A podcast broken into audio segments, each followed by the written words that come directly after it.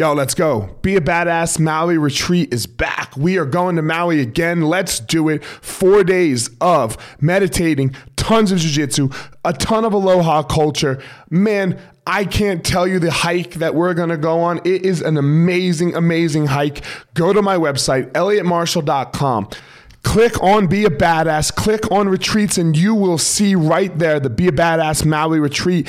It is there. Let's go. Get more information. You're just going to click on Give Me More Information, and we will hit you up. We will call you, and you will have the best week of your life in Maui with me and my team doing jujitsu, going in the ocean, jumping off cliffs.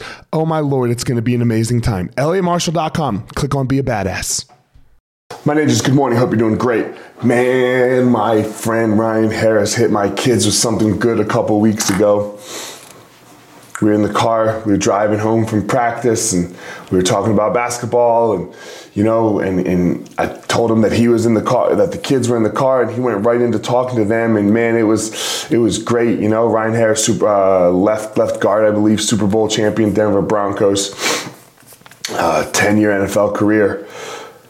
So he's got a lot of good good wisdom, but I don't know if I've ever heard anything like this. You know, he was telling them, and and then I was like, yeah, they got a difficult dad.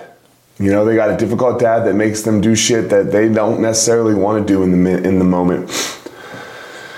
And he goes, boys, expectation is a form of belief. And I was like, yo, that was fire. Like that was just straight fire. Why? Imagine if you didn't expect of yourself. Well, what then? What does that mean? If, if you didn't expect that you were going to do a hold on, let's let's move it back to my boys.